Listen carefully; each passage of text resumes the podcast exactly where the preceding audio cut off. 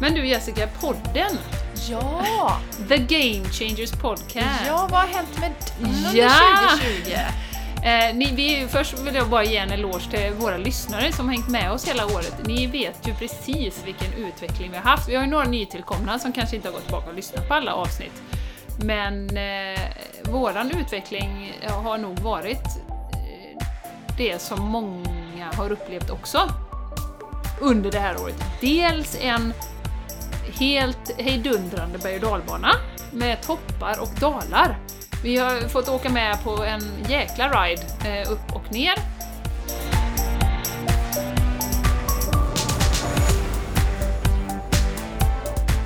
Du lyssnar på The Game Changers Podcast för en hållbar kropp, själ och planet med Jenny X Larsson och Jessica Isigran.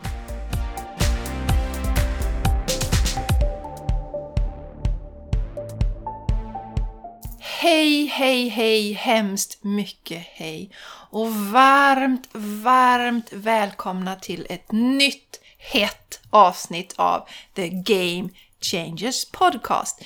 Jag som sitter på den ena sidan av mikrofonen, jag heter Jessica Isigran och på den andra sidan har jag den fantastiska, gudomliga, the Kom igen, divine, kom igen. feminine, magic, beautiful, amazing, blonde woman also with the earth name. Jenny X Larson Stardust. Yay! Ja, Jenny. här är jag. Ja. Och jag får nästan säga välkommen till mig själv för att jag är hemma hos dig idag. Ja, välkommen hit! Och som du har blivit välkomnad idag. Ja, ja, Jenny ska berätta lite sen vad vi har gjort idag. Men det är underbart att vara här igen. Det var ett tag sedan. Vi var på samma plats och spela in. Mm. Det var ju en fördel Jenny när du var i Spanien. För vi fick lära oss också att eh, spela in på distans. eh, Mm. Vad det innebär och så. Vilket är lite skönt emellanåt när vi har mycket annat. Och på våra- distans. Ja, slippa träffa varandra. Nej, men just att, att ja precis, distans. Nej, men just att ehm, mm, mm, mm, mm, mm, mm. Eh, vi har ju mycket annat i våra liv också, men vi vill ju att den här podden ska fortsätta för det är så himla roligt. Ja, precis. Men idag när jag får komma till Jenny idag så är det extra festligt. Är det alltid, men idag var det extra, extra, extra festligt. Så vad har hänt idag Jenny? Ja du Jessica, idag har vi ju... eh, Du har fått smaka på riktig kakao, gjord på kakaomassa. Och det var ju någonting jag fick till mig i en podd, eh, den här Positive Head podcast. Eh, fanns det för ett tag sedan ett, en tjej som var med och pratade om kakao och hur kraftfullt det är som medicinalväxt. Och ehm, så jag blev jädrigt sugen på det, så jag beställde kakao från ett eh, ställe här i Sverige. Jag ska dela det sen. Inte O'boy då Jenny? Inte O'boy. Kakao, alltså ren kakaomassa är ju inget tillsatt, inget är borttaget så att säga, utan det är rena kakaobönor som man bara har gjort till en massa. Och jag tänkte faktiskt att jag skulle prata lite om kakao lite kort så ni får lära er lite hur magisk kakao är. Eh, och då är det ju så att eh, vad, vad man ska göra, eller vad vi gjorde idag, man kan ju skapa sin egen kakaoceremoni. Eh, precis, alltså gå på intuition som vi brukar rekommendera. Men jag gjorde ju så att jag kokade vatten, sen lägger man i de här, det ser ut som chokladbitar, väldigt chokladiga, tjocka. Så lägger man i då två bitar per kopp, och jag tog i lite, lite cashewnötter, för det blir väldigt krämigt av cashewnötter, och så tog jag i ett par dadlar per kopp, för lite sötning. För det här är ju inte alls sött egentligen, kakaomassan är väldigt chokladig. Eh, och sen så gick vi upp och satte oss här vid mitt lilla altare. Och man kan då skapa någon form av intention. Vi öppnade ju fältet som vi alltid gör eh, och ber om det högsta eh, utbytet med universum, så att säga. Och sen tar man sin kakao eh, i sin fina lilla mugg och känner verkligen tacksamhet till kakaoplantan och känner att man eh, kopplar an till den, den växten, så att säga. Och den intelligensen som den bär med sig. Och ehm, ja, sen kan man sätta en intention för, eh, som vi gjorde Jessica, för 2021, att det kommer bli magiskt, fantastiskt, kommer kliva ännu mer in i vår kraft. Och det gör man ju själv, det man känner man vill ha för eh, nästa år till exempel då. Och sen kan man ju i princip göra vad som helst. Nu satt ju vi två och vi hade en, en härlig diskussion om saker och ting, vad som har hänt och vad vi ska prata om idag. Men man kan också meditera med sin kakao. Eh, Man kan göra andningsövningar. Eller bara sitta rakt upp och ner och, och bara sitta i stillhet helt enkelt. Det gör, det gör man som man själv vill då. Nu fick jag till man kan smeta in sig med kakaon också. Ja, det kan man. kan man säkert Jessica. Vet inte vad du tänker göra när du kommer hem sen, men eh, jag kan eh, förvarna Mattias här.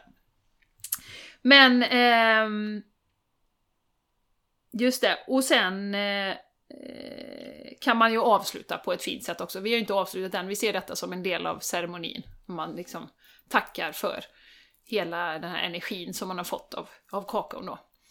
Eh, så av någon anledning så har jag ju blivit väldigt dragen till kakao. Och det är, finns ju väldigt mycket nyttigheter i kakao. Järn och magnesium och massa spårämnen eh, som är väldigt nyttiga för oss. Så eh, ja, det var härligt och det är ju en annan smak, eller hur Jessica? Det är klart Boy. det, ja, det är klart att det, det är en annan smak. Jenny, jag frågar, vad, vad, vad, vad köper man den här kakao nu då? Ja, eh, jag skulle säga googla på, på kakaomassa på nätet. Jag köpte från något som heter Chokladhuset i Limhamn. Eh, där de hade detta då som jag hittade. För det finns ju massa ställen i USA, men det blir så krångligt med import och, och sådär. Så att jag beställde från ett ställe i Sverige. Och se till bara att det är ren kakaomassa som man beställer då. Sen finns det ju olika, alltså det, det kan ju bli lite som kaffe tror jag, lite olika smaker beroende på vilken kakaoböna, var den har växt, och vilket land och på en sluttning och så. Så att du kan få lite olika smak. Eh, Så det kan man ju läsa lite om också om man vill. Så jag rekommenderar varmt kakao. eh, Så. Många tänker så ja men dricka kakao liksom. Men eh, det är eh, väldigt magiskt. Och eh, koppla in till den plantan så att säga. Mm, det är jättegott och Jenny, du nämnde ju för mig för en tid sedan att du hade köpt den där och att Ja men det, jag tror vi pratade om det på liven också, på våran live, Insta-live. Och eh, så sa ah, men du, jag ska göra en ceremoni. Det blir liksom premiär för ceremoni när du kommer till mig då. Mm. Och sen så var det lite snack om att Jenny skulle komma till mig av några anledningar. Och då kände jag så här, vad händer med kakao? Men då skrev ju Jenny raskt då. För hon kände ju vad jag tänkte, jag tar med kakaomassan. Och jag bara, Vet du bra, vad orolig? Det Nej. kommer Ja. med kakaon. Men nu blev det så att vi blev här hos Jenny i alla fall då. Ja. Så nu är vi här. Så. Vi har fått Ja. den här kakaoceremonin här. Och fantastiskt gott då förstås Ja. var det. Mm, Underbart. Mhm. Jessica, Mm. eh, den här podden kommer ju handla om eh, 2020, året som gått. Det är årets sista avsnitt i The Game Changers podcast. Och eh, ja, vad har hänt det här året egentligen? Vi fick verkligen gnugga geniknölarna för att komma på någonting roligt som hade hänt. Nej, men eh, skämt åsido. Vi kommer utifrån vårt perspektiv som vanligt eh, titta tillbaka till, å- på året, titta på höjdpunkterna för oss. Vad har det varit? Hur har podden utvecklats? Vad har hänt i våra personliga liv? Eh, utmaningar och eh, på det kollektiva givetvis kommer vi också prata lite om vad som har hänt.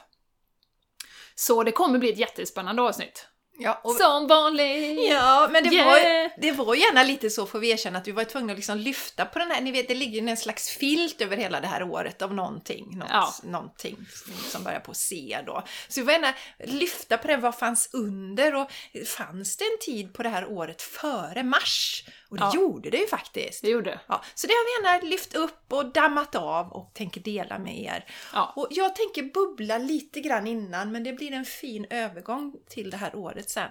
Och eh, jag såg en intressant film för någon dag sedan när man pratade om det här att de yttre restriktionerna som vi ser, som finns i hela världen i princip och som då har ökat här i Sverige nu. Det är en spegling av de restriktionerna vi sätter på oss själva också. Och då var jag tvungen att sätta mig och meditera. Vad handlar det om för mig personligen? Och då insåg jag ju att en del av det är ju att eh, jag har ju alltid varit dragen till det spirituella. och sådär. Och kanske inte riktigt vågat öppna för det. Och för ett par år sedan så träffade jag ett medium som sa till mig att Jessica, du har du kan göra precis det som jag gör. Du har en vidöppen kanal, du har samma förmåga. Men det är ingen som, som kan säga till dig att du ska göra det, utan du gör det när du är redo. Och jag förstod inte riktigt, för jag tycker men jag är ju jätteredo för allt det här spännande, släpp in det nu! Nu förstår jag, Jenny, varför jag inte eh, liksom kunde öppna upp för det.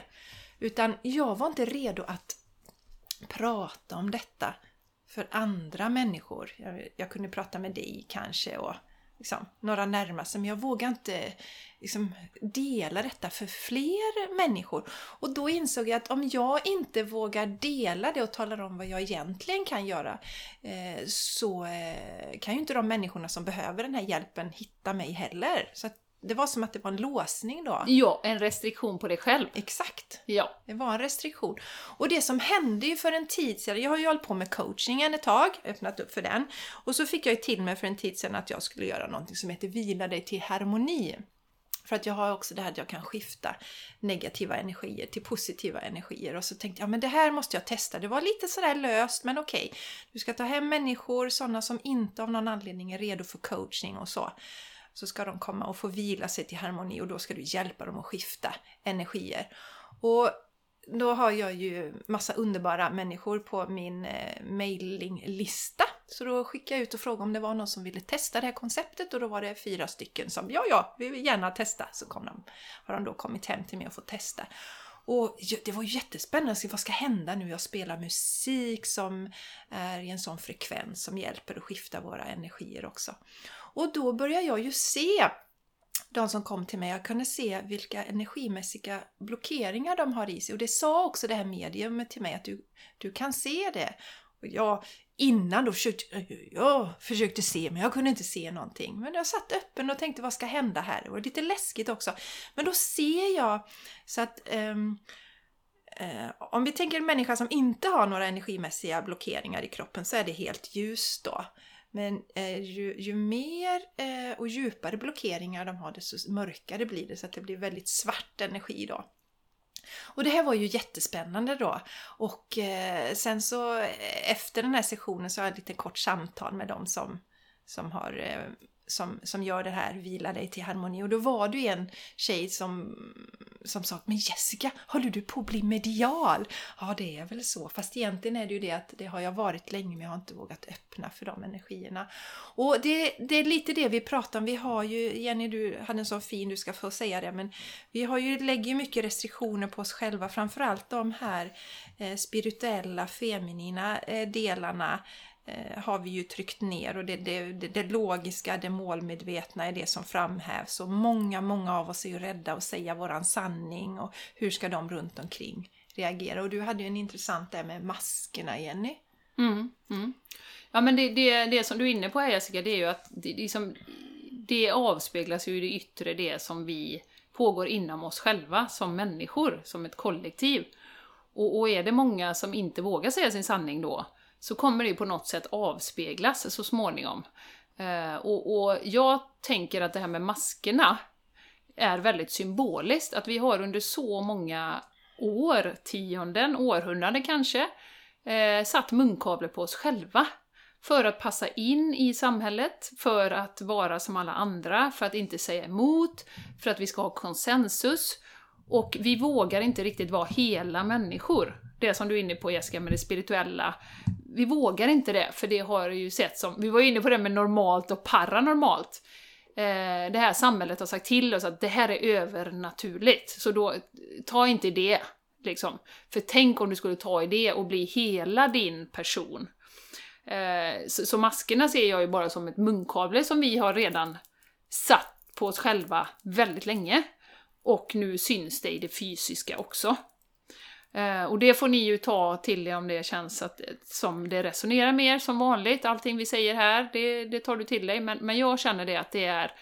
Och, och just det här också att det har blivit så tydligt att det är någon annan som bestämmer över oss nu i det här. Det är inte vi som bestämmer över våra liv, så, inom citationstecken. Och, och jag jämför ju det när jag var i Spanien. Och jag ser Sverige, jag har ju sett båda sidorna.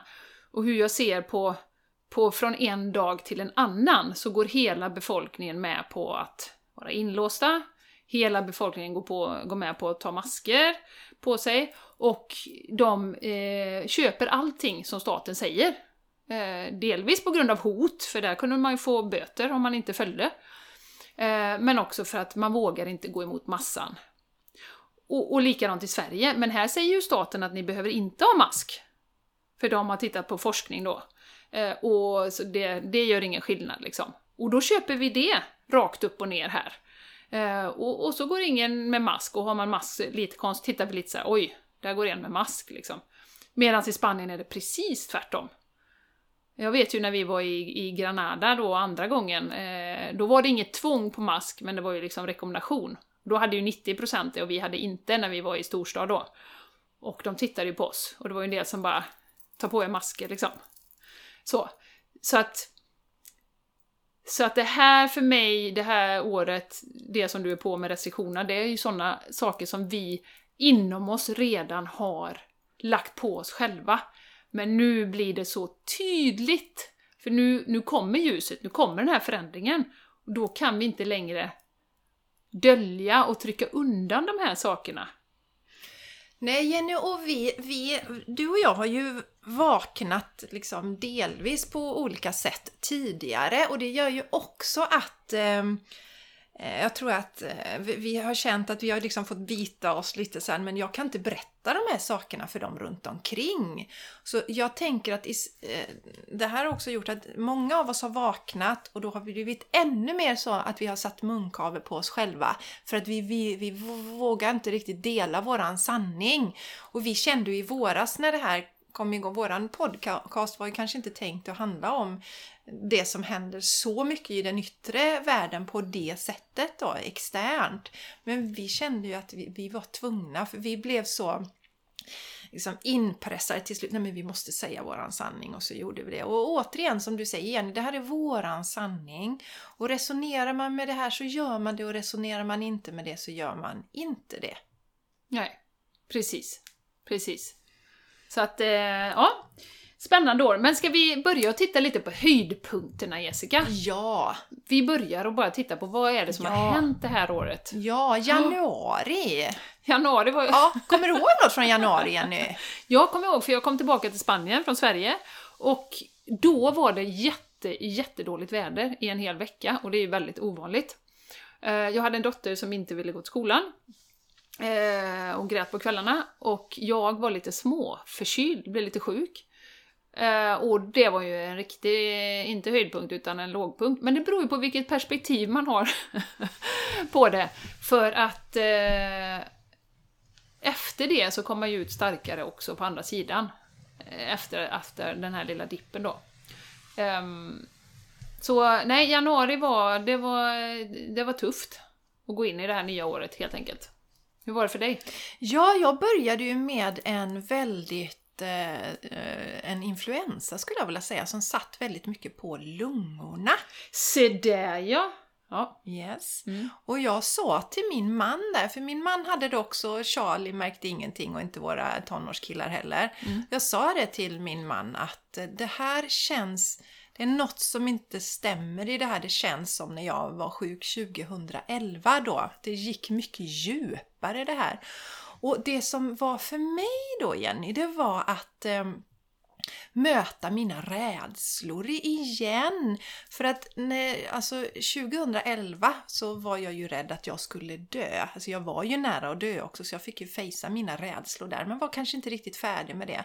Så att det här var mycket igen, liksom möta rädslorna mm. en gång till, möta dem och faktum är att det, alltså jag kom igenom mina rädslor där, för jag använde mig mycket av meditation och andningsövningar och sådär då. Men det var, det var påminnelse, min kropp kom ju tillbaks i det där. Eh, shit, ska jag, ska, ska, ska jag dö nu liksom? Eh, så, så det, det liksom väcktes i mig. Men jag tog mig igenom det. Så så började, inledde jag det här året mycket intressant. Och det är också därför jag tänker att säkerligen är det, man har ju pratat om det här eh, viruset som, som man pratar om att det kanske kom lite tidigare också, fast man inte pratade så mycket om det just då, eller något annat virus. Jag har ju faktiskt lärt mig nu Jenny att eh, eh vi, sedan 1967 så finns det 12 800 registrerade pandemier. 12 800? Ja, virala pandemier. Det är och ganska många. Ja, det är många. Och då är det intressant varför denna nu har blivit så uppmärksammad då. Ja. det, det är en helt annan story. Vad hände mer i januari? Det här var början av januari. Inte sådär jättekul att börja året så. Det här året skulle bli så himla magiskt och fantastiskt. Mm. Mm. Kändes som en liten sån nedtryckning då. Mm. Men sen i slutet av januari så hade jag ju min första endagsretreat själv och mm. den var ju helt fantastiskt magisk. Och sen så körde jag väl fyra till under mm. vårkanten. Ja. Så det var ju höjdpunkter där för Härligt. mig under våren. Mm. Eh, januari och under våren mm. utifrån mitt, det perspektivet då. Ja. Och jag han har en yoga på stranden i San Luca via Airbnb. han jag med att ha. Och jag kommer ihåg den känslan, bara det var så härligt. Och eh, den här kvinnan, och vi connectade och hon hade haft cancer och hon berättade sin livshistoria, det var så härligt. Och jag bara tänkte, gud nu! Jäklar, gud vad roligt! Nu skriver hon en fin referens och sen så kommer detta komma igång. och eh, så. Eh, sen kom februari och vi hade ju bestämt eh, redan innan i familjen att vi skulle göra lite resor, så vi åkte ju till Granada då och åkte skidor i Spanien. Det var ju så härligt, familjetid som aldrig förr. Och så vackert och så underbart. Och vi var ju på Alhambra, det här fantastiska palatset. Och allting eh, så. Och reste runt där och det var ju var så mycket folk. Det var helt tjocka block. Det känns ju nästan... Det känns ju jättekonstigt nu. Men eh, verkligen sån härlig familjetid och bara liksom nyttja det här att vi var i Spanien. Så jag var jätteglad att vi hann med det innan mars kom då. Och det kan man ju säga också att, att mars eh, och sen april, maj då. Barnen kom hem från skolan och, och vi gjorde Alltså jag ser ändå det som höjdpunkt när jag nu ser tillbaka. Det blev ju inte som vi hade tänkt oss eller förväntat oss, givetvis. Men så mycket, som jag sagt innan, skratt, roliga upplevelser som vi hade ihop. Det här med att vi ställde oss upp och dansade, som jag sa i förra podden. Liksom. Vi hade vår egen talangfestival. Eh, vi gjorde massa roliga sportaktiviteter. Vi tittade mycket på film på kvällarna tillsammans. Och gjorde och hade en underbar familjetid. Som aldrig kommer komma tillbaka. Eh, på något sätt. Och jag är så glad att vi inte gick ner i liksom, den här depressionen. Vi var ju väldigt nära att åka hem ett tag, jag och Martin. Ska vi åka hem eller vad ska vi göra? Nej, huset är uthyrt, vi är kvar. Och vi gör det bästa av det här. Återigen perspektiv då. Eh, så, vi hade våra två hundar, vi fick gå ut med dem, vi hade det väldigt bra, så sett. Pool, allt detta. Joggade runt huset, kommer jag ihåg. Du vet, gjorde, vi hade vår studsmatta, gjorde jättemånga roliga saker. Yogaklasser uppe på verandan, sådana grejer. Så att jag ser ändå tillbaka på den tiden. Det är inte med bitterhet på något sätt nu när jag har kommit hem och ser tillbaka, utan det är faktiskt med kärlek och eh, liksom glädje. Man ser att vi fick de veckorna tillsammans och tog oss igenom och valde att liksom göra det allra, allra bästa av det. Vi har ju alltid ett val, mm. faktiskt. Och Jenny, jag kommer att tänka, Ron kom väl till er då också? Ja, han kom ju precis innan jul. Jaha, ja. han kom innan jul, ja. just det, det gjorde Ett par han, ja. veckor innan jul och sen fick han vara på hundhotell. Eh, så det var ju hans första jul här nu i år med oss. Och sen hämtade vi honom i, i mitten på januari. Men som sagt, han kom ju in i familjen egentligen i år på ett, på ett eh, fint sätt. Det var väl ett fantastiskt... Ja. Tänk om han hade, i detta, den här cirkusen hade suttit fast Ja, det är ju ingen som vet vad som hade hänt. Jag vet inte vad som hade hänt. Om han hade fått åka dit varje dag för att han hade en hund, det vet jag inte. Jag har ingen aning. Vet inte vad som hade hänt faktiskt. För han som hade hunden, han åkte ju inte dit på åtta veckor. När den här lockdownen slog till då. Så att det vet vi inte vad som hade hänt med lille Ronny. Så det var nog bara meningen. Som allt annat. Ja, som allt annat. som allt annat! Mm. Så ändå se tillbaka på det nu med mycket, mycket glädje faktiskt. Mm. Det känns, eh, känns jättebra när man tittar tillbaka. Mm, det är din vår där. Mm. Och som sagt, jag gjorde ju mina endagsretreat där och eh, som tur var så hann det ju eh, liksom folk hade anmält sig och sådär innan eh, se delen tog fart. Du vill inte ens ta ordet i din mun. Nej, helst vill jag inte det. Eftersom det är bara en av 12 800 pandemier, så varför ska vi prata så himla mycket om den? Men i alla fall, eh, den eh, sa att det var någon som inte vågade komma på på det sista retreatet då som var i början av april på, på grund av det här då. Mm. Som, som skedde i världen. Men en annan fantastisk grej som skedde där på vårkanten Jenny, det var ju att jag började odla. Just det! Ja, Mm. och det har jag ju velat eller jag har önskat att, att jag har velat det i många år och jag har tittat på mina vänner som odlar och, och det känns så idylliskt att gå med sin korg och hämta, men allt det andra, rensa ogräs och fixa och då, nej, vad tråkigt, vad tråkigt. Jag, nej, så det, det gick inte. Men så hände någonting i år som gjorde att jag var redo, som också gjorde att jag gillar alla de andra delarna och det som var så fräckt då Jenny, det var att när jag hade bestämt mig var redo, då fick jag ju, jag fick alltså tre böcker av eh, Sara Bäckmo. Och Sara Bäckmo är ju helt i linje med så som jag ser det då att det är viktigt att vi får en bra kvalitet på jorden, eh, att mikroorganismerna trivs där. Jag har ju lyssnat en del på Zack Bush Mm. och förstått det här med kopplingen att eh, våran jord, eh, mikroorganismerna, mängden där speglar insidan av, av våra kroppar. Liksom. Så att kan vi få ordning på jordarna så kan vi också skapa hälsa i människan i hela världen och så. så superspännande. Och Sara jobbar ju mycket med det här med täckodling, alltså gräsklipp och att saker ska tillbaka till jorden, att man matar jorden. Och, så det lärde jag ju mig jättemycket av också och dessutom så, så eh, är för det här kom igång, kör bara. Så jag fick tre böcker. Det var, "Ja, men du, de här böckerna har jag fått på en mässa, och- men jag har inte tid med det. Då var det signerade jättefina böcker. Och jag råkade få en extra bok, så helt plötsligt satt jag där med tre böcker. Och det var precis det som var i linje med det jag skulle göra. Så min man då, underbaringen, han fick ju då enligt instruktioner först börja bygga, tror jag, tre lådor. Och sen så ville jag ha några till, så att det slutade nog med sex stycken odlingslådor. Mm. Och där har jag ju odlat allt möjligt. Potatis, eh, jordärtskockar som jag skördade förra veckan. ehm, rödbetor, rädisor, portulack. Mm. Ja, så mycket goda saker och det har varit underbart och för mig var det jätteskönt när, liksom, under vårkanten att få greja med, fokusera på mina odlingar och sånt. Så, att, eh, så det är ju en jättestor grej egentligen. Äntligen så Ja. fick jag tummen ur och börja odla. Ja. Ja, fantastiskt. Ja. Så vi, vi, vi åkte inte iväg någonstans under sommaren så. Vi gjorde lite utflykter men vi grejade mycket i trädgården. Och eh, Mattias har gjort väldigt fint runt den här, lagt ut sån eh, dekorsten och lagt ut kullerstenar och sådär. Så att det har blivit en jättefin, från att det har varit en plats i trädgården som vi inte använde till någonting. Mm. Så, så den, och sen dessutom, jag har ju anlagt en äng också eh, hemma. Så att, eh, ja, men det är ju faktiskt också, om man ser på de positiva effekterna av det här året, så är det ju att många har ju börjat odla. När vi kom hem i juli, då fanns det ju ingenting kvar i trädgårdsaffären när jag skulle åka och köpa. Det var några gamla skrumpna potatisar som man tryckte ner där. Eh, många har ju börjat odla.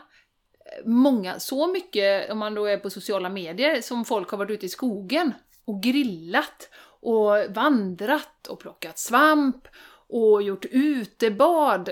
Har jag ju kompisar som håller på med som aldrig har gjort det innan.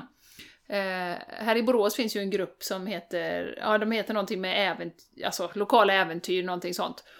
Och de hoppar från klippor och det är liksom i sjöar och sånt. Man, dels så utmanar man sig själv och sen så är man ute i naturen då. Och det är ju fantastiskt. Och även om jag ser till mig själv, så som jag berättat, vi gick ju runt den här fantastiska Öresjö, två mil, har aldrig gjort, fast jag har bott där hela mitt liv.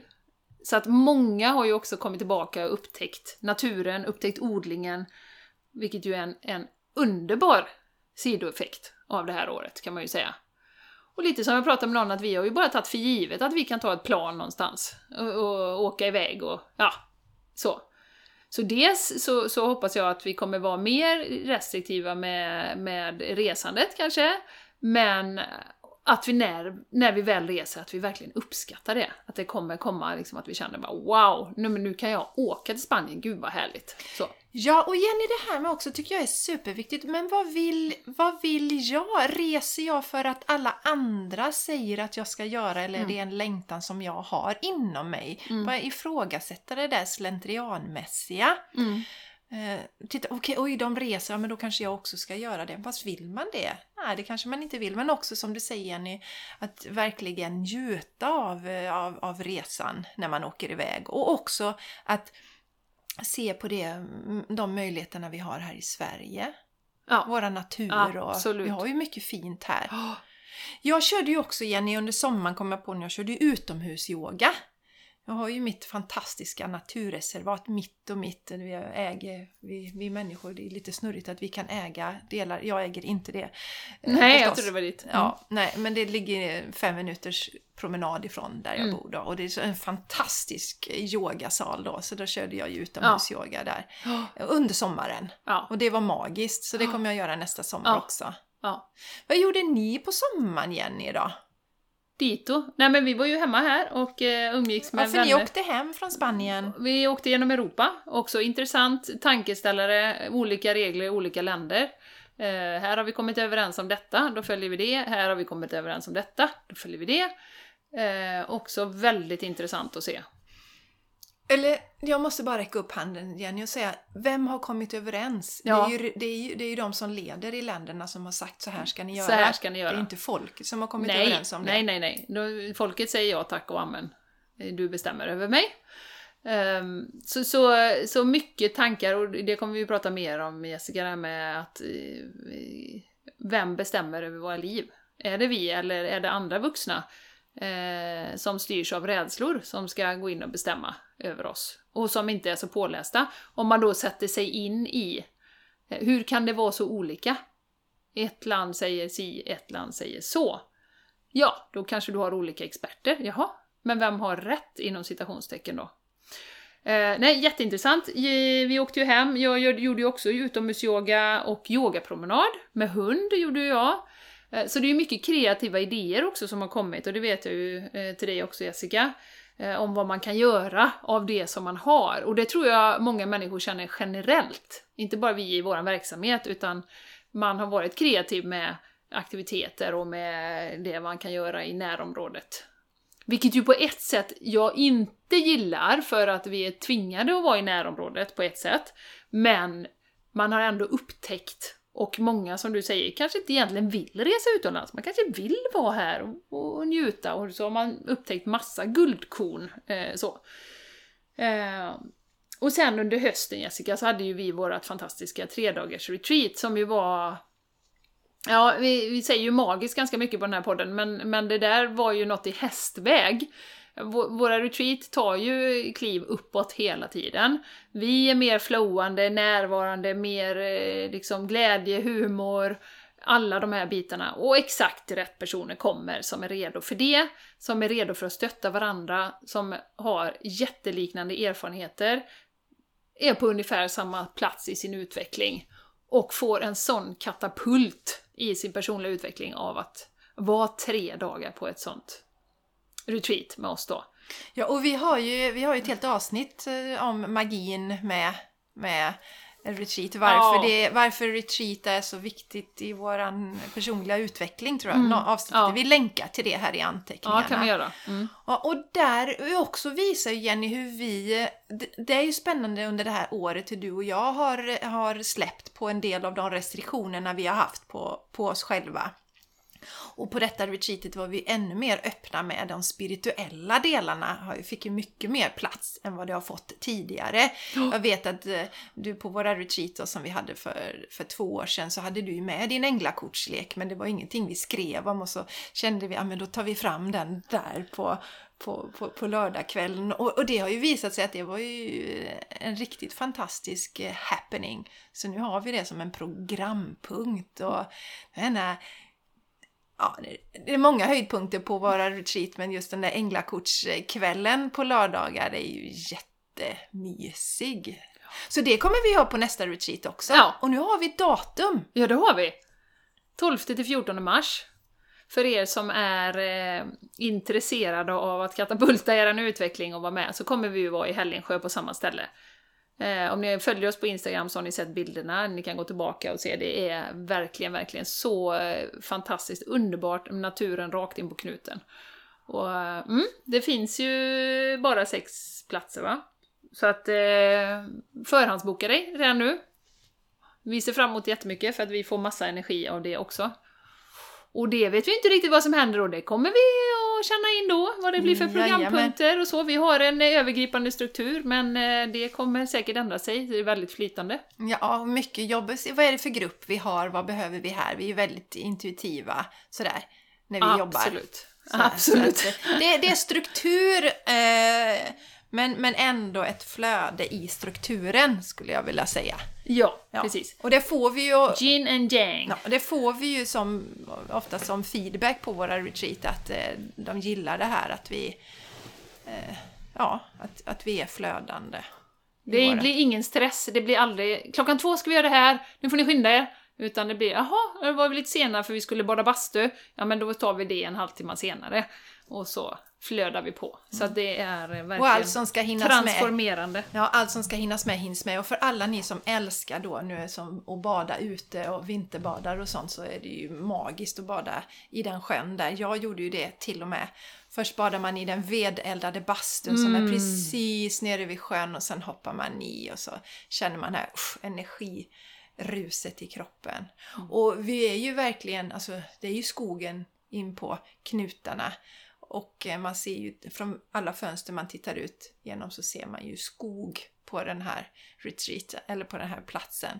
Och eh, vi hade ju faktiskt några deltagare som gick ut och hämtade svamp då Ja. på hösten. Det Ja. finns det kanske inte på våren men just den här närheten till naturen, vi får liksom in naturen. För det är jätteviktigt med att återkoppla till naturen också nu, jorda, jorda oss. Mm. Men du Jessica, podden! Ja! The Game Changers Podcast! Ja, vad har hänt med den under Ja! 2020? Eh, ni, vi, först vill jag bara ge en eloge till våra lyssnare som hängt med oss hela året. Ni vet ju precis vilken utveckling vi har haft. Vi har ju några nytillkomna som kanske inte har gått tillbaka och lyssnat på alla avsnitt.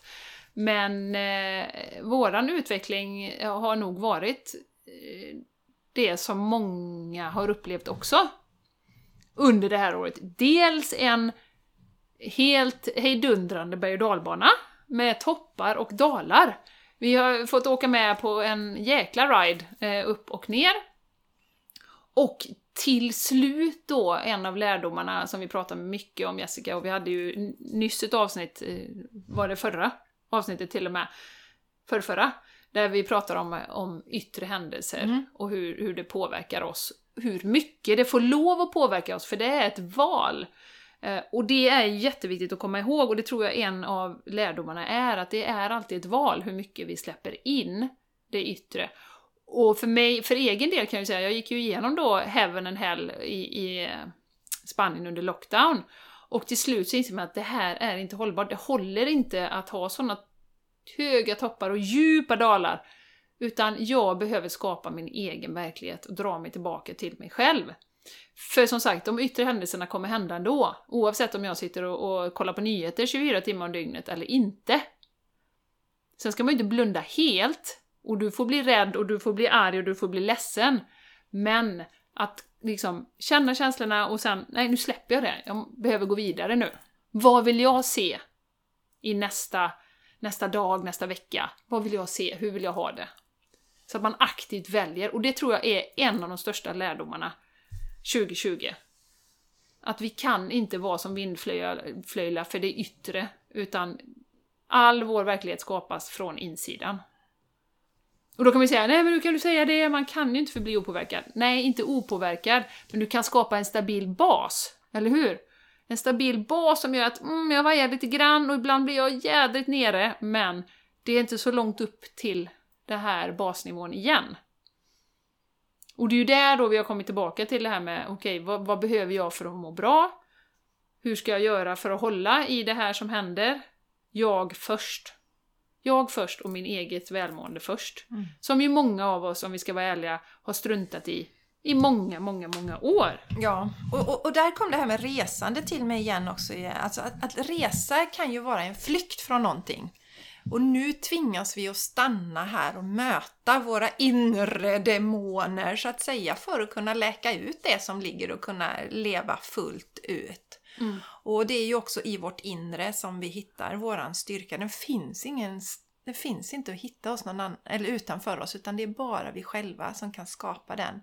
Mm. Och därför pratar vi ju mycket om det här med stillhet, Jenny och jag. Att, att meditera, att vända fokus inåt, att, att landa i det. Då blir det som en krockkudde eh, mot det som händer runt omkring. Mm, mm, mm, mm. Ja, och som vi pratade om innan vi slog på här, eh, Jessica, vi hade ju någonting under våren också som hette Black Lives Matter. Jag, kommer inte, jag vet inte om ni Det kommer var på ihåg det? sommaren, va? Eller var, inte det, eller var det på vår? Var inte det på typ... Ja, det var eh, senvår eller sommar. Ja, Ja, som Black att Lives det var på Matter. höst. Ja, strunt samma. Det var någonstans under detta året. Jag tror att det, jag tror att det var lite på höst. Ja, strunt samma. Det, det flyter ihop, men Ja. vad vill vi säga om Black Lives Jo. Matter, Jenny? Och då vill jag fråga så här, eh, Does Black Lives Matter anymore? Det har försvunnit helt. Det var en hype där under några veckor. Eh, och som vi sa då Jessica, vi sa ju att det är en agenda för att dela oss mot varandra. Det var upplopp i USA, det var liksom brända bilar och det var det ena med det tredje. Och när man ser tillbaka nu så tycker jag att det blir väldigt tydligt, agendan. Det, det är liksom, vem bryr sig nu? Vem bryr sig? Jag ser ingenting i sociala medier om Black Lives Matter eller All Lives Matter. Ingen skriver någonting. Så det var så tydligt. Här, varsågod, här får du Black Lives Matter. Eh, bryr du dig om det, kom igen nu engagera dig, sätt ditt fokus här, titta här, titta förjäkligt. Och som jag tänker också det här George Floyd då, som ju triggade hela den här grejen. Han sa ju jag kan inte andas. Det är ju också symptomatiskt för, för oss, mänskligheten. Vi kan inte andas, vi blir kvävda i den här matrixen, i våra små, små boxar eh, som vi måste hålla oss till. Eh, på tal om det här att, att liksom vara hela. Att de, det här ska du vara. Du är heterosexuell, vit man, kostym, slips, eh, du håller dig till din eh, marknadschefsposition. Och du går inte utanför det. Och så småningom blir vi ju kvävda om vi känner att vi får inte plats i de här trånga boxarna som alla vill liksom putta in mig i. Ehm, så det ser jag också som att vi behövde ju se det. Eh, och det var ju också ett uppvaknande för många att, att vi, det är faktiskt delning som, som de vill åt. Likadant som corona med, med maskerna och det här. Mm. Som du har pratat om mycket, vi planterar lite osäkerhet här. Så kan ni slåss mot varandra sen. Ja, men precis, precis. Och, och, och det var ju samma, den energin som, var, som jag upplevde i Black Lives Matter, det var ju att splittra människorna. Det var ju inte att ena oss. Nej. Och det är ju samma energi som ju var i metoo, som man ser i efterhand, som jag inte var, var, var medveten om då. Men det är också en splittring, splittra män och kvinnor, alltså att vi liksom fightas mot varandra istället för tillsammans. Mm. Så vad är det för energi som, som går in i de här sakerna? Och också lite som, som Jenny som sa det att ja men alltså vi har ju olika saker som vi engagerar oss vi, vi, vi kan inte och vi vill inte och vi ska inte kanske engagera oss för alla saker. Vi har våra saker som vi engagerar oss för. Eh, och mitt, eh, ja, min mission i livet just nu det är att hjälpa människor att skapa mer glädje, harmoni och lycka i sitt liv. Och det gör jag genom retreat, min coachning, vila dig till harmoni, den här podden och sådär. Va? Mitt uppdrag kanske just nu inte är att sätta lampan på det här med rasismen, vilket jag tycker är helt befängt att det finns, men det är någon annan som har det som sitt mission. Det, det, det blir ju fel när vi, nu ska alla ha det missionet och har du inte det missionet så ska du ha dåligt samvete minsann. För att du inte liksom... Men bara för att jag inte håller på med det just nu så betyder det ju att jag inte bryr mig om de delarna. Men ja, min energi går åt ett annat håll då. eh, att, att stärka människor på detta sättet. Och någon annan brinner för det här med, med att uppmärksamma att vi behandlas olika på grund av våran hudfärg. Mm. Men helt plötsligt så kommer någon då och säger att nu ska ni titta på det här allihopa och, och alla delade den här svarta rutan och visar minsann att titta här, jag, jag tar ställning. Ja, för vadå, du gör ju ingenting i ditt liv förutom De att andra dela en... 51 veckorna. Ja, men det enda du gör är att dela en svart ruta och varför Ja. gör du det? och gjorde du det så ingen skugga på dig, men, men eh, det som hela den här processen var så tydligt för mig eh, och som hela det här året är en av de största tema slash lärdomarna, det är ju Följer du eller väljer du? Väljer du själv för att du tycker att det är viktigt? För det kan ju vara så att det är någon som, som sitter och jobbat för detta i, i fem år och tycker att shit, nu kommer det här upp på agendan, gud vad bra! Då, då passar jag på att liksom göra min röst hörd. Eh, ja, då, har du, då väljer du medvetet att engagera dig. Du har följt den här frågan länge och du engagerar dig. Men följer du bara vad alla andra gör utan att reflektera, en ryggradsreflex att oh, det här måste jag göra, lite samma som håll avstånd, som kommer som en ryggmärgsreflex nu, för, som vi har programmerat in i hela svenska befolkningen. Eh, alltså, har du själv, gör du själv ett medvetet val eller följer du bara order? Mm. Som vi har pratat om många gånger. Ja, det där tycker jag är läskigt det här Jenny med avståndet. Eh, det, det, har blivit så till och med att om, om jag ser på, liksom på någon, jag tittar på julkalendern till exempel. Den är jättebra, det är det enda jag ser på TV just nu. Ja, och det är ju slut när ni, när ni hör på det här. Men, och så ser man, då har de lussefirande och sen, åh gud, så många människor samlade på samma plats. Det är så programmerat nu. Ja, det är riktigt läskigt. Mm. Och jag vill bara säga en sak i det här med avståndsfrågan, Jenny. Eh, det dyker ju upp emellanåt i flödet att det att någon, det, oftast är det ju Expressen och Aftonbladet som säger att nu måste alla skärpa sig och det är, läget är allvarligt och sådär. Då är det väldigt många som skriver kommentarer som att ja men håll avstånd, håll avstånd nu för helvete. Alltså mycket, mycket ilska. Och då är min fundering så här, vilka är det som inte håller avstånd? Jag har inte sett någon. Och i mitt värld så är svenskarna eh, vi är något av det lydigaste folket som finns i hela världen. Jag är inte ute jättemycket bland folk för jag bedriver min verksamhet hemifrån. Jag cyklar och hämtar Charlie i skolan. Mm. Min man sköter handlingen. Så, men när jag är ute så, så ser jag ju den här... Alltså, alla håller avstånd. Och därför så vill jag bara få människor att tänka ett varv till. Det kanske inte är det att vi... Det, alltså de här eh, pressen som finns på, på våra sjukhus, det kanske inte har att göra med huruvida vi håller avstånd eller inte. Nej. Det kanske är något annat som ligger bakom. För mm. som sagt, jag, har väldigt, jag ser inte människor som hopas här och var, utan jag ser avstånd. Och eh, man vågar inte ens, alltså barn som går i samma klass leker hela dagarna får inte träffas efter skoltid. Så att logiken har ju försvunnit någonstans ut genom mm. fönstret då. Mm. Alltså det mm. finns ju ingen logik mm. i det här. Och det är också det Jenny, som man säger, i och med att det är så ologiskt på många sätt, det är också det som skapar splittringar tror jag. För att vi är några som, men det finns ju ingen logik i det här. Och jo, men nu har de sagt att vi ska göra så, nu följer vi det. Och det gör ju också att, ja men hallå, några står där och säger, men logiken, ja men nu har de sagt detta och så börjar vi att bråka med varandra istället. Ja. Skapar mer splittringar. Och, och, en, en lärdom eller en, en, en, reflektion som har kommit till mig väldigt starkt under året också, det är ju, och det sa jag redan i, i mars-april när jag satt i lockdown, eh, då, då, det är ju det här, vad är det vi är rädda för? Jo, vi är rädda för döden. Vi är rädda för att dö och gå vidare. Och det har jag ju faceat också, precis som du Jessica, när du fick din eh, inflamm eller ja, ditt virus där i början på, på januari. Um, jag har insett att jag är ju inte rädd för döden. Jag har landat under det här året så mycket i det här att vi är eviga varelser. Min själ kommer vandra vidare. Om jag vandrar vidare så är det ju självklart jobbigt för dem runt omkring. Eh, och det är ingenting jag önskar på något sätt just nu.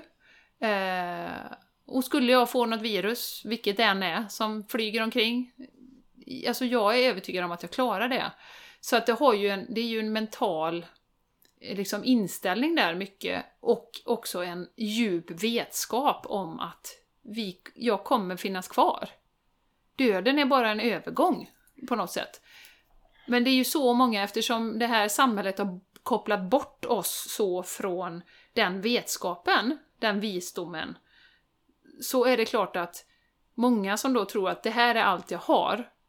Och man dessutom då kanske inte har tagit hand om sin hälsa på väldigt många år. Kanske är stressad, kanske har ätit fel, eh, jätterädd för att bli sjuk. Jag menar, då, då är det klart att en viss rädsla kan smyga sig in. Och då är det det ironiska att rädslan sänker immunförsvaret ännu mer, som vi har pratat om. Så, så den här dödsångesten, det har också blivit så här, det har kommit upp på agendan för mig att okej, okay, hur mycket ska vi offra av livet för att vi inte vill dö? För att leva som många lever nu, många äldre då, som, som sitter helt själva, som inte får träffa sina barnbarn och så. Är det värt det? För att vi inte vill dö? Och då ska vi ju säga att det är ju liksom majoriteten, där det var ju någon som skrev till mig att ja, majoriteten nu, de är ju över 70 och har flera sjukdomar fortfarande av de som går bort. Och det, de kanske dör två månader tidigare. Och jag vill inte på något sätt trivialisera det så, men det är också det här mentala som jag har pratat om många gånger, att om man är så himla rädd för någonting och du får det, och dessutom får ett positivt test, ja, testerna är ju en annan historia då. Hur pålitliga är de? Det vet vi inte. Eller vi vet att de inte är pålitliga. Eh, och så får du det här beskedet och du är livrädd för det. Vad gör det med din hälsa? Det finns forskning på det med cancerpatienter som får beskedet, som blir dramatiskt sämre efter de får beskedet.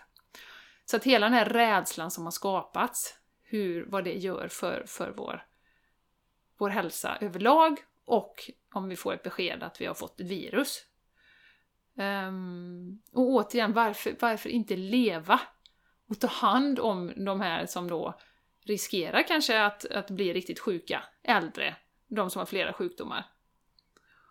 Så, så döds, dödsångesten som många brottas med har ju kommit upp på agendan också. Mm. Och sen Jenny så är det ju extremt jobbigt att vara beroende av att alla andra gör rätt där ute. Alltså det är ju jättestressande. Om, om, om, om allting handlar om om du kommer för nära mig, om jag kan dö då, det blir enormt jobbigt och vi blir maktlösa. Men om mm. jag istället vänder på det och säger att okej, okay, vad kan jag göra? Jo, jag kan stärka mitt immunförsvar eh, på olika sätt genom att äta bra, mina, alltså hur jag tänker, jag mediterar. Det finns så många sätt att stärka vårt immunförsvar. Man kan också sätta sig in i det här med eh, virus och bakterier, att det lever i symbios med våran kropp där kan man titta på Zack Bush, om man känner mycket rädsla för just virusen kan man titta på det och få en helt annan bild av det här. Mm. Och eh, ta tillbaka makten där istället. Att, och, och, jag kan känna det att man får ju se ibland att ja, men nu, nu, nu måste alla ta ansvar. Ja, men jag tar ansvar att stärka min hälsa så att jag inte blir sjuk och belastar sjukvården till exempel. Och i, i våras Jenny så var det ju en, en infektionsläkare här i Sverige som uttalade sig just om det att om du får symptom så se till att dricka mycket vatten och göra andningsövningar. Mm. För det hjälper lungorna. För många som kommer in då i våras och det var ju väl det jag kände också där när jag hade det här i januari, att det satte sig väldigt tungt i lungorna. Eh, så, eh, men vi, vi pratar ju ingenting, och det har vi sagt många gånger, det finns inget hälsobefrämjande utan det enda är tvätta händerna. Och tvätta händerna är ju ett bra sätt att minska att virusen liksom ändå kommer in till oss. Men det gör ju ingenting med vårt immunförsvar. Det stärker oss inte på något sätt. Då. Så att om det hade funnits ett funnits en genuin önskan, en kärleksfull önskan om att vi människor ska få vara hälsosamma, då hade man ju pratat om det. Man hade också som många försökt, ja men titta hur många som faktiskt klarar sig ifrån detta virus mm. och hur många som överlever. Och som vi säger hela tiden, vi förringar inte på något sätt de som har gått bort och eh, de som förlorat nära och kära nu under det här året. Men det är ju inte mer tragiskt än att det, än det var föregående år eller året dessförinnan eller någon av alla de här 12 mm. 800 registrerade pandemierna som då har vandrat igenom världens befolkning, befolkning sedan 1967. Obemärkt nästan. Ja, det är ingen som har sagt någonting om det va? Nej. Så, att det, så det är just den här perspektiven. Mm. Och därför är det bra att dra sig undan från, för att vi vet ju det, att det vi får pumpa till oss från, från de som leder vårt land och från, från, från eh, sociala media, eller från eh, mainstream media, det är ju bara att titta på fallen, de som har dött och inte hur många eh, klarar sig, hur många har inte blivit sjuka alls och så vidare. Det finns ingen fokus, det är det vi har sagt många gånger, det finns ingen balans i rapporteringen. Nej. Nej. Och jag, jag tänker också en av lärdomarna som jag tar med mig från det här året, som det kan jag verkligen se ett skifte i mig själv, det är ju det här med olika åsikter. Där vi har land, landat båda två, tror jag.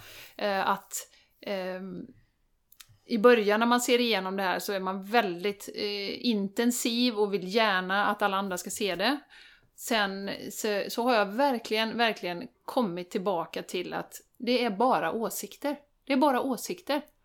Och jag bildar min åsikt utifrån den informationen jag har. Jag behöver inte övertyga någon överhuvudtaget och jag kan inte övertyga någon.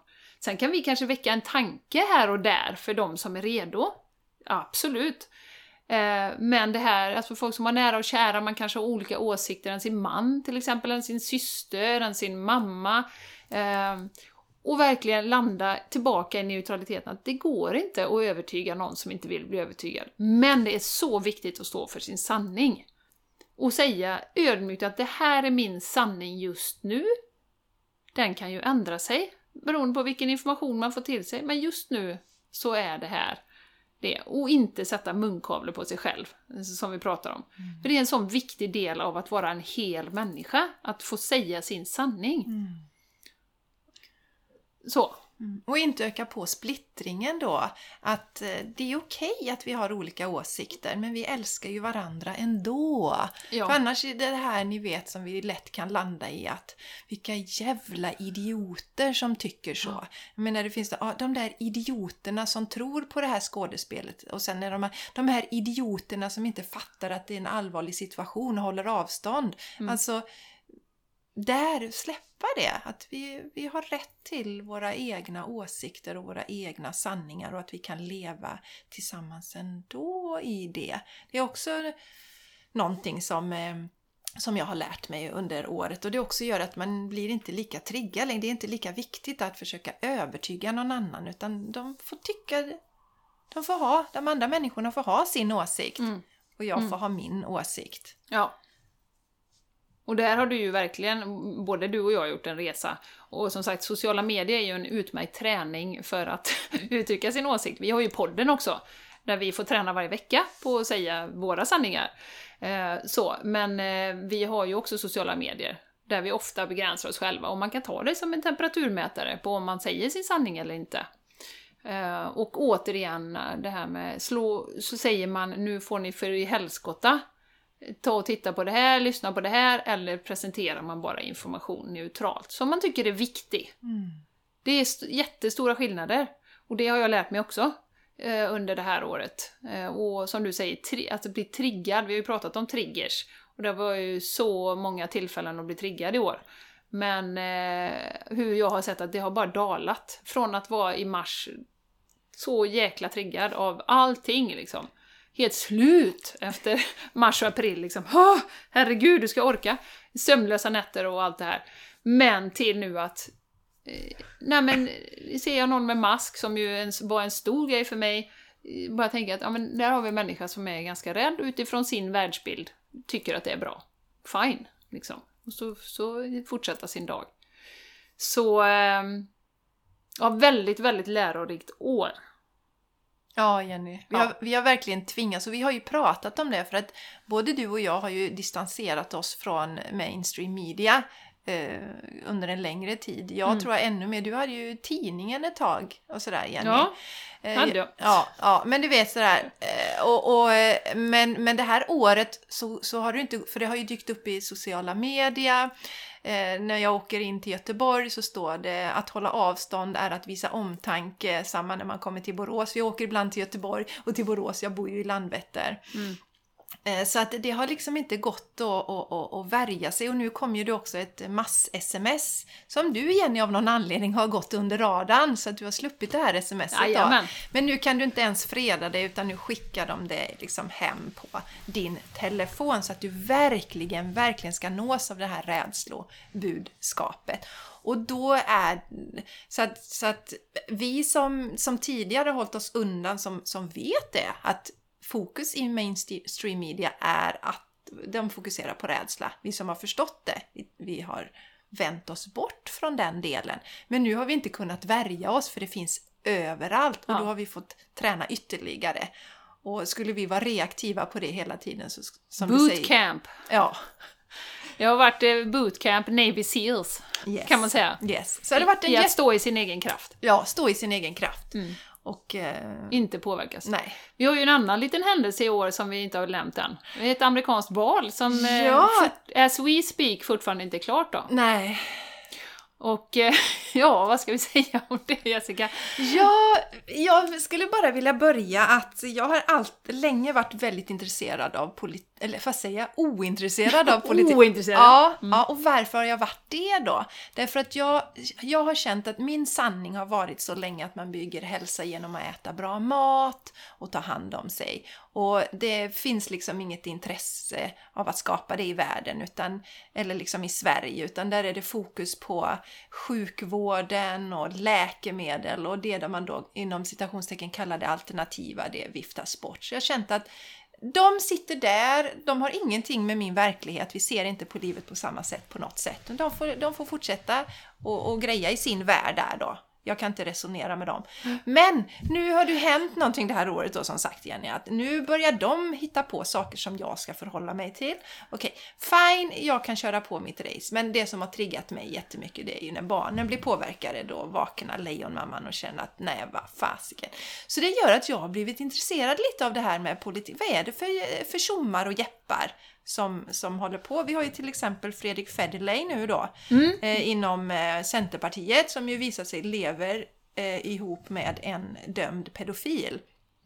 Hans eh, partner har då begått eh, Det hörde jag av min mamma. Ja, han har begått då, eh, han är blivit dömd för tror jag 20 stycken övergrepp mot den, han levde tidigare tillsammans med en partner, det är pa, den partners barn. Och det här har ju då Fredrik Federley vetat om och han har ändå valt att leva med den här mannen med en liten dotter då. Ja, nu ser jag att Jenny inte riktigt fixar att höra detta. Men och, och då... Jag visste inte detaljerna. Nej, Ja. nej, men det har jag tagit reda på. Och då går ju också då C- Centerpartiets ledare ut och säger att nu är det väldigt synd om honom och han behöver ta hand om sig och så. Och då börjar man fundera på, jajamän, ja, nu, ja exakt, det är så man går ut med det. Så nu börjar man, okej vad är det för människor som sitter där och styr egentligen? Och eh, ja, så med det som bakgrund att de där tjommarna och jepparna vill jag att de ska fortsätta och påverka mina barns framtid. Nej. Och nu har jag varit intresserad, vad händer i valet i USA? För vi vet ju att USA är ju någonting som påverkar oss eh, ganska mycket. Vi får ju mycket från, från USA. ja, Världshälsoorganisationen sitter där och... Ja, Mm. så att, så att det har varit intressant att följa eh, den här utvecklingen då. då. Eh, och eh, om man nu inte bara följer mainstream media så, så vet man ju att det har skett en del fusk kring det här valet som man nu håller på att arbeta, Ja. eh, att, att belysa. Vad är dina tankar kring Ja. valet? Nej, varför jag- är du intresserad av valet, Jenny, i USA? Ja, eh, vi ska väl säga så här att eh, precis corona... Eh, oj, nu sa jag det. Ah! Eh, cirkusen har ju eh, gjort att man tvingats titta, eftersom vi är för hälsofrihet, att man ska få bestämma över sin egen kropp. Så, och man följer de här medier då som eh, med naturlig hälsa och så vidare, då kommer ju det in när det inkräktar så mycket på vår hälsofrihet, vilket det kommer göra med vaccin och, och alla de här bitarna som kommer eh, down the line. Och eh, då blir man ju då lite intresserad. Hur, hur, hur, vad händer och hur går det till och vad vill de olika kandidaterna och sådär. Och jag följande kan jag tipsa om, jag vet inte om jag har sagt det på podden, något som heter Epoch Times, vi kan länka till det. Um, som jag plockade upp var någon av dem jag följer, jag tror det var John Joseph Cromag eller någonting som, som delade att de verkar vara det enda media som eh, är någorlunda neutral. Jag kan inte svära på det, men när jag går in och tittar verkar det inte som de har tagit någon sida i alla fall i valet. Och går man in och läser där så, så ser man ju ganska tydligt att ja, nu är det en rättsprocess i Virginia, Eh, där har de fuskat med, eh, eh, ja, det var ballets som dök upp mitt i natten med röster för Biden. Och så vidare, och så vidare. Titt, där tittar jag ibland, och där ser man ju att det är flera rättsprocesser som pågår. Medan alla trodde ju att valet var klart på valdagen och trodde att Biden hade vunnit. Och jag sa ju det till eh, några att nej men jag tror inte det är klart för jag ser att det är fusk. Och då hade jag ju också sett advokater som gick ut och sa att Nej, men, jag har fått till mig massa information om att det här har inte gått rätt till på olika håll i landet. Då. Um, så att, och, och, det som jag är intresserad av, Jessica, jag, jag är ju intresserad av att den som ska komma, ska ju komma dit rättmätigt, så att säga. Sen har ju vi så otroligt svårt att ta in att det skulle fungera så jävla korrupt i USA som i ett tredje världen-land liksom. Det säger ju amerikanerna själva. Men herregud, det känns ju som Venezuela det här liksom, eller någonting. Eh, det känns ju helt galet. Eh, så att as we speak är det inte klart. Eh, och när man då ser, på tal om media, att det då när man går in och tittar på sociala media och det står under inlägg med Trump att ja, eh, eh Reuters och AP, de, eh, för, de eh, den förväntade vinnaren är Joe Biden. Och då undrar man ju varför skriver de så? Och de här Epoch Times säger då att vi kommer inte gå ut och förespå någon vinnare förrän det är klart. Så att då blir det ju så här, och verkligen, och så dippar man i svensk media då. Där alla i princip bara säger att liksom, Biden har vunnit. Det är ingen match liksom. Så, så frågetecken, media, vad är det för, och det är också ytterligare en lärdom i år för mig, jag har väl varit halvintresserad eh, av media och halvköpt det de säger. Men det har ju liksom kapats mm. ganska, så, ganska så stort nu då. Mm. Att jag verkligen ifrågasätter allt och det kritiska tänkandet från min sida. Mm. Eh, lite som min pappa säger, men är det inte jobbigt att ifrågasätta allt? Nej, men jag tycker det är en del av min resa och, och det är en del av att vara medveten och vaken. Som sagt, väljer jag eller följer jag? Jättebra Jenny. Väljer jag eller följer jag? Mycket bra, mycket bra. Och jag tänkte just på det här med media, för mig blev det så väldigt tydligt Jenny också, för att jag kan hålla med om det att eh, jag trodde ändå att det var någon slags sanning i media, fast de fokuserar bara på eländet. Elände, elände, elände. Mm. Men jag har ju sett nu också under året som gått när jag har sett eh, till exempel hur man världen över har protesterat mot eh, den här cirkusen vi har, alltså miljontals människor i Tyskland, det visar man inte i våra media. Utan det var några högre extremister som, som, som ställde till med lite bråk och så. Mm. Så att eh, det, det är ju inte neutralt. Man visar ju inte, man speglar ju inte det som sker i världen. Så, så, det har jag också sett väldigt tydligt. Okej, men varför, varför skriver de inte om de här delarna? Mm. Och varför, varför lyfter man inte fram alla de forskare, läkare, advokater som ifrågasätter det som pågår nu? Varför är det ingen av dem som lyfts fram? Mm. Mm. mm. Så kritiskt tänkande. Och, och, det är ju en del av uppvaknandet som vi pratar om mycket. att vi har gått sovande väldigt mycket, genomköpt allting med hull och hår, liksom, ja det är sant och det är sant och här har du en sanning till, ja tack amen, då tar jag den, ja här ska du ha munskydd, här ska du inte ha munskydd, ja tack amen, jag tar det, jag tar det. Eh, men med internet så finns det ju också en möjlighet faktiskt. Även om du googlar och det är gravt manipulerat. Men du kan ju faktiskt hitta information och följa människor som, som har en annan sanning än den som presenteras dig. Men det kräver ju lite jobb. Det kräver lite tid. Och det är jäkligt jobbigt när man ser att allt det jag trodde på, och då menar jag allt, då menar jag allt, Eh, det är inte vad det verkar. Så att det där är ju ingenting man kanske vill göra en eh, annandag jul och sitta där och, och få det i, i facet, eh, liksom, eller i mars, april som vi gjorde då. Det var ju inte roligt. Eh, eller upplyftande, men jädrar vad starkt man känner sig när man väl har kommit till det att okej, men jag, jag tänker kritiskt på det här. Den här informationen var intressant. Okej, då får jag djupdyka i detta och se vad min sanning är.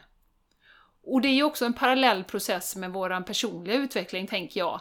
Att det här som vi pratar jättemycket om, du pratar om stillhet Jessica och jag med, liksom, att vad är min sanning? Är den serverad med bröstmjölken?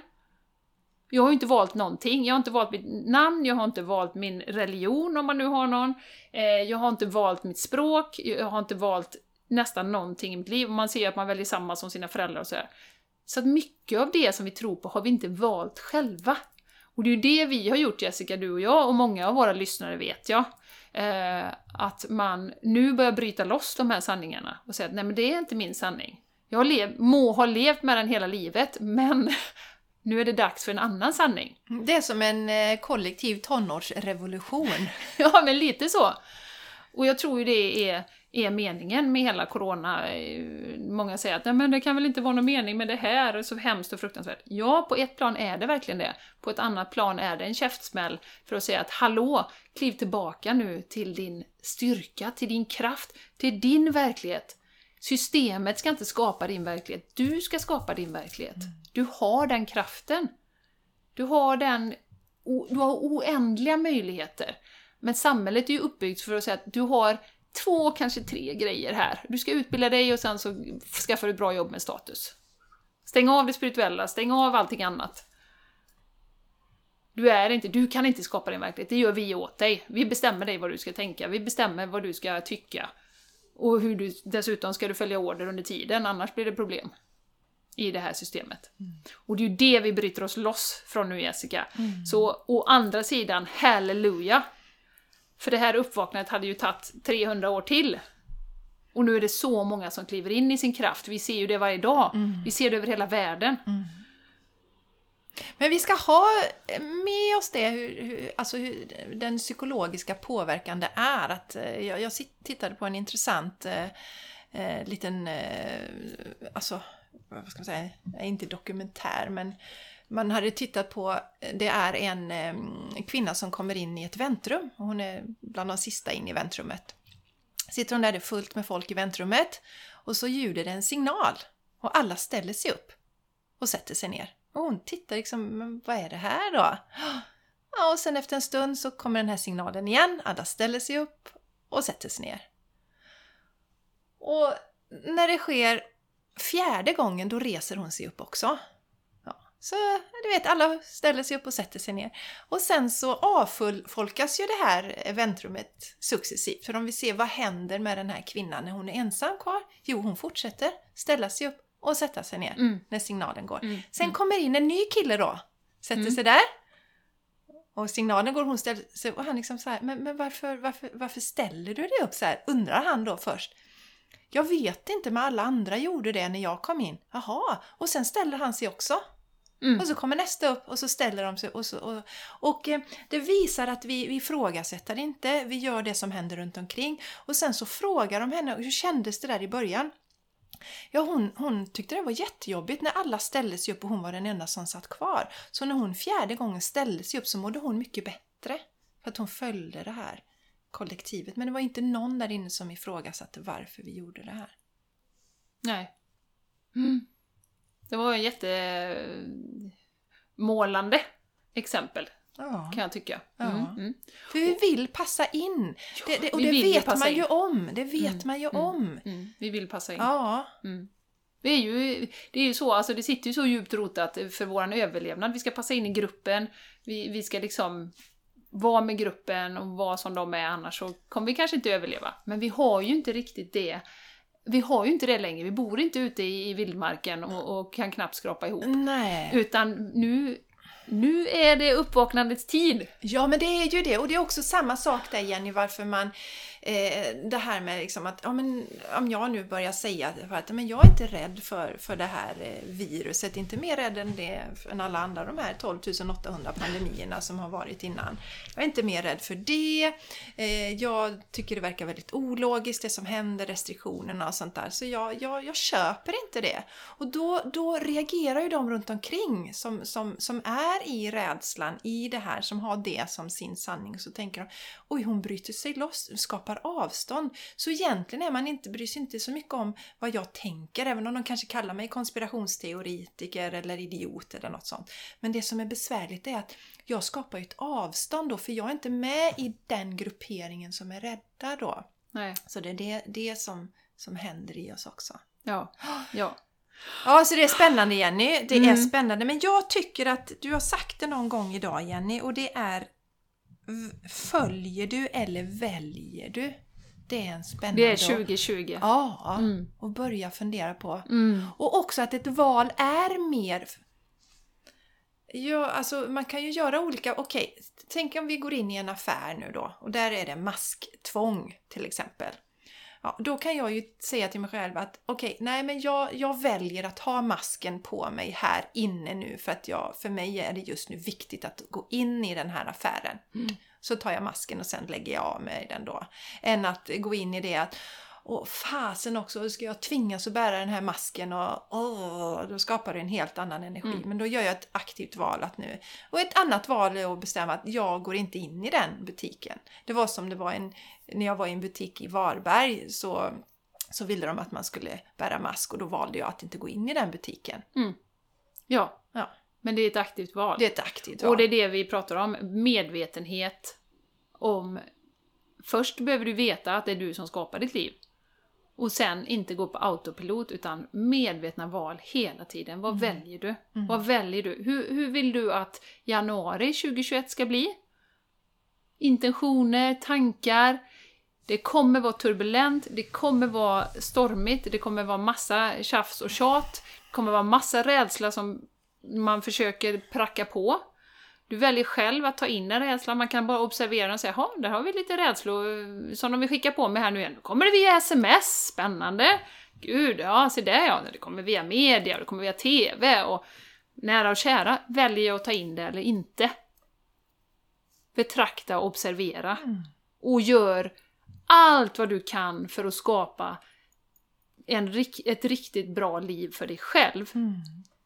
För det handlar också om att, som vi många av oss gör, att vi ska leva sen. Sen ska vi då, sen när det är över, sen då ska vi göra. Ja precis. Och det har jag ju pratat om tidigare, det här med sen-mentaliteten. Bara det är på plats, Mm. så kommer vi. Och nu får vi en sån jättechans att okej, strunta i allt som händer runt omkring. Vad ska du göra i januari för att må riktigt jävla bra? Just Vad ska du göra i precis. februari? Mm. Tankar kring det. Intentioner. Liksom, sätt. Ja, lev nu för att varje dag är ju en del av ditt Ja. liv. Och en del tänker, ja men när bara detta är över, bara, bara vi liksom kommer ut på, ja fast hur länge kommer det här fortsätta? Man sa, var det, det, var, det skulle vara eh, tre veckor, vi skulle liksom, eh, där i mars. Men det bara fortsätter och fortsätter och fortsätter och fortsätter och fortsätter. Och ska jag då liksom inte leva förrän detta, eh, någon annan bestämmer att detta är över. Mm. Så ta tillbaka makten som vi säger. Och gör sånt som du tycker är roligt. Mm. Och upptäck Sverige igen. Och passa på och lär dig att meditera och blicka inåt och Mm. upptäck den världen. Ja, ja. Precis. Och committa, som vi var på i, i förra programmet. Programmet. Vårat program är Vi försöker programmera om. Omprogrammering pågår. Eh, nej, men det här med att verkligen, verkligen bestämma sig för vad man vill göra. Inte bara fladdra runt och åh, det här verkar roligt, det här verkar roligt. Bestäm dig för det, det här vill jag göra för att jag ska må riktigt bra. Mm, och följ din inre röst och lita på det. Och är det så att du mycket, mycket som påverkas av alla andra, så, så ta en paus. Ta en paus från den här podden också. Ta en paus från Instagram och börja känna efter. Vad vill jag? Vill jag hålla på med yoga? Nej, det är inte min grej. Jag vill spela fotboll istället. Ja, men hitta en form för det då. Till exempel. Börja Ja, kolla inåt. Vad gör dig lycklig? Vad gör dig glad? Vad Ja. tycker du är roligt? ja. Det är det enda som räknas. 2021 coming up! Nästa avsnitt Jessica, då är det 2021 va? Jajamän! Fatta. Oj, oj, oj, vad ska hända då? Ja. Oj, oj, oj. ja, vi är ju lite ödmjuka inför året som kommer, det är vi naturligtvis. Vi är ödmjuka. ja. Men vi har ju också med kakaon här nu satt intentionen att vi kommer vara starkare än någonsin. Jajamän. Och vi kommer ännu mer kliva in i vår kraft. Man är Yes. ju aldrig färdig med sin utveckling. Och vi ser med spänning eh, fram emot 2021. Och ni som känner er redo att kliva in i er fulla kraft också, kom på vårat retreat i Hällingsjö. Yes, Hör av er till oss, Mm, jajamän. Gör det. Ja, Jenny, Ja, vi tar och avrundar. Ja, det, blir, det är ett rätt långt avsnitt känns det som. 1.18 är vi uppe på. Ja, okej, det är så pass länge, men nu har ni lite le- julledighet och så, så det är säkert gött att få lyssna lite mer på The Game Changers, Changers podcast. Och vi får säga också, Jenny, är det den eh, 29 detta sänds, eller? Vilket, Skulle kunna vara. ja, Mm. så gott nytt år nu, Mm. alla underbaringar, så ses vi på andra sidan av detta året. Ja. Och, Eller hörs. ja, och hjälp oss jättegärna, tipsa om podden. Ja, tack. Tipsa, dela eh, när ni lyssnar och så. Vi blir jätteglada. Skicka gärna in eh, feedback på detta avsnittet. Hur har 2020 varit för dig? Har det varit samma, upp och ner, uppvaknande? Vad har hänt egentligen inom dig? Vi är så nyfikna. Kommentera på Instagram eller mejla oss på thegamechangerspodcast.gmail.com För ni har ju varit en fantastisk del av vår resa. Ja, men det är ni ju. Vi känner ju er energi och det är ju Ja. ni som får oss att fortsätta. Ja. Och den fina feedbacken vi får ger oss så mycket tillbaka. Mm. Vet att vi gör det här tillsammans. Ja, det gör vi verkligen. Okej raringar, tack för 2020! Tack för att ni har varit med oss. Tack till alla som är nytillkomna. Tack till alla som har varit med när den här podden började Ja. 2018. Tack, tack, tack vill jag säga. Nu kör vi 2021. Jajamän. Puss och kram, vi älskar er jättemycket. Puss och kram. Hej då! Hej då!